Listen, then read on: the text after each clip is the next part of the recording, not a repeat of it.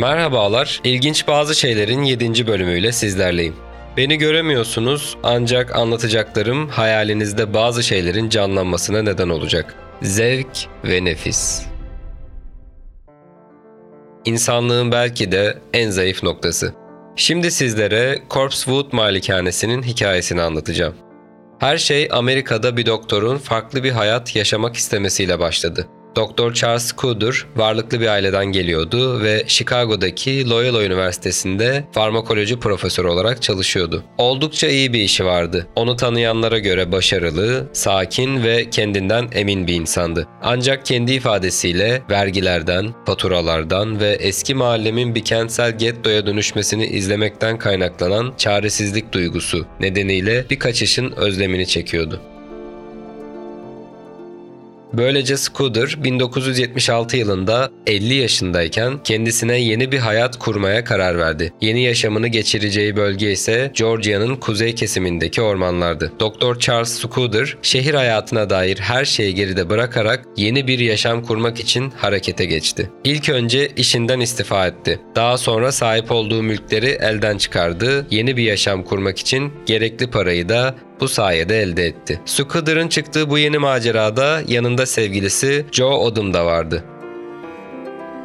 Çift bütün birikimlerini harcayarak gözlerden uzak, ormanlık bir alanda güzel bir ev inşa ettiler. Daha sonra eve Corpsewood Malikanesi ismini verdiler. İki yıl içerisinde çift hayallerindeki gibi bir yaşama kavuşmuştu. Ancak çiftin herkesten sakladığı bazı sırları vardı. Doktor Charles Scudder, Şeytan Kilisesi isimli bir oluşumun üyesiydi. Oluşumun temel doktrini şeytan dahi herhangi bir doğaüstü varlığa inanmayı reddediyor, insan tutkularının ve doğasının bastırılmasına kati bir şekilde karşı çıkıyordu. Scudder da Corpsewood malikanesini bu doktrin doğrultusunda organize etmeye karar verdi.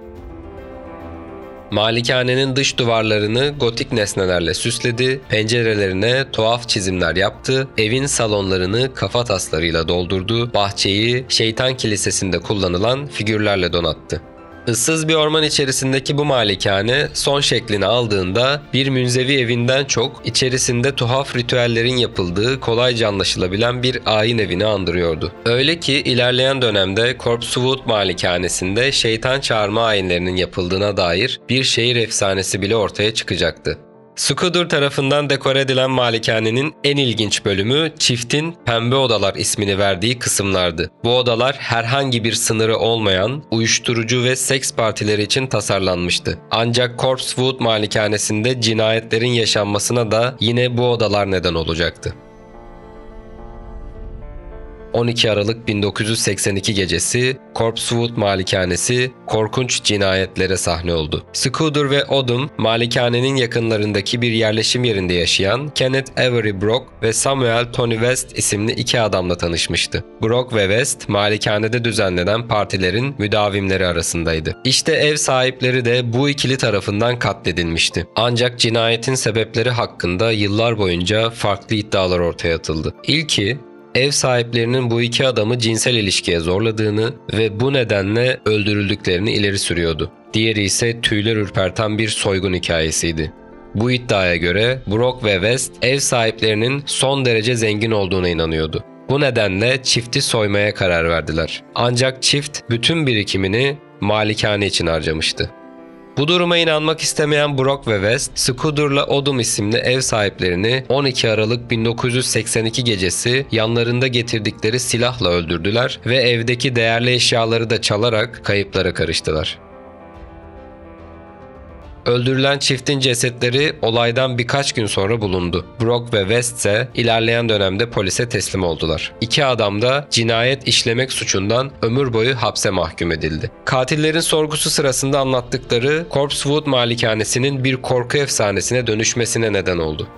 İfadelere göre ikili önce Odom'u öldürmüştü. Daha sonra etkisiz hale getirdikleri Scudder'a işkence etmiş ve malikanedeki paraların yerini söylemesini istemişlerdi. Ancak Scudder ikiliye istedikleri cevabı vermedi. Bunun üzerine Scudder'ı kafasından vurarak öldürmüşlerdi. Ancak katillerin ifadelerinde dikkat çeken başka bir husus vardı. Scudder son nefesini vermeden hemen önce bunu ben istedim şeklinde belli belirsiz fısıldamıştı.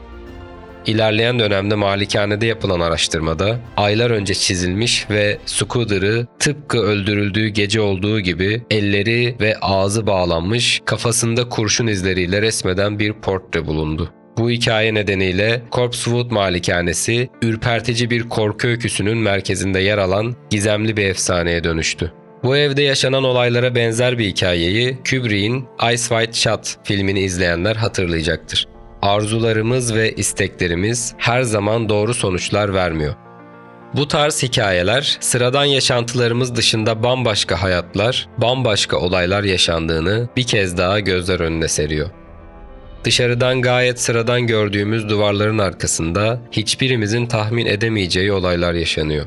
İnsanın olduğu her yerde gariplikler mevcut. Kendini bu kötülüklerden korumak da garip insanoğlunun elinde.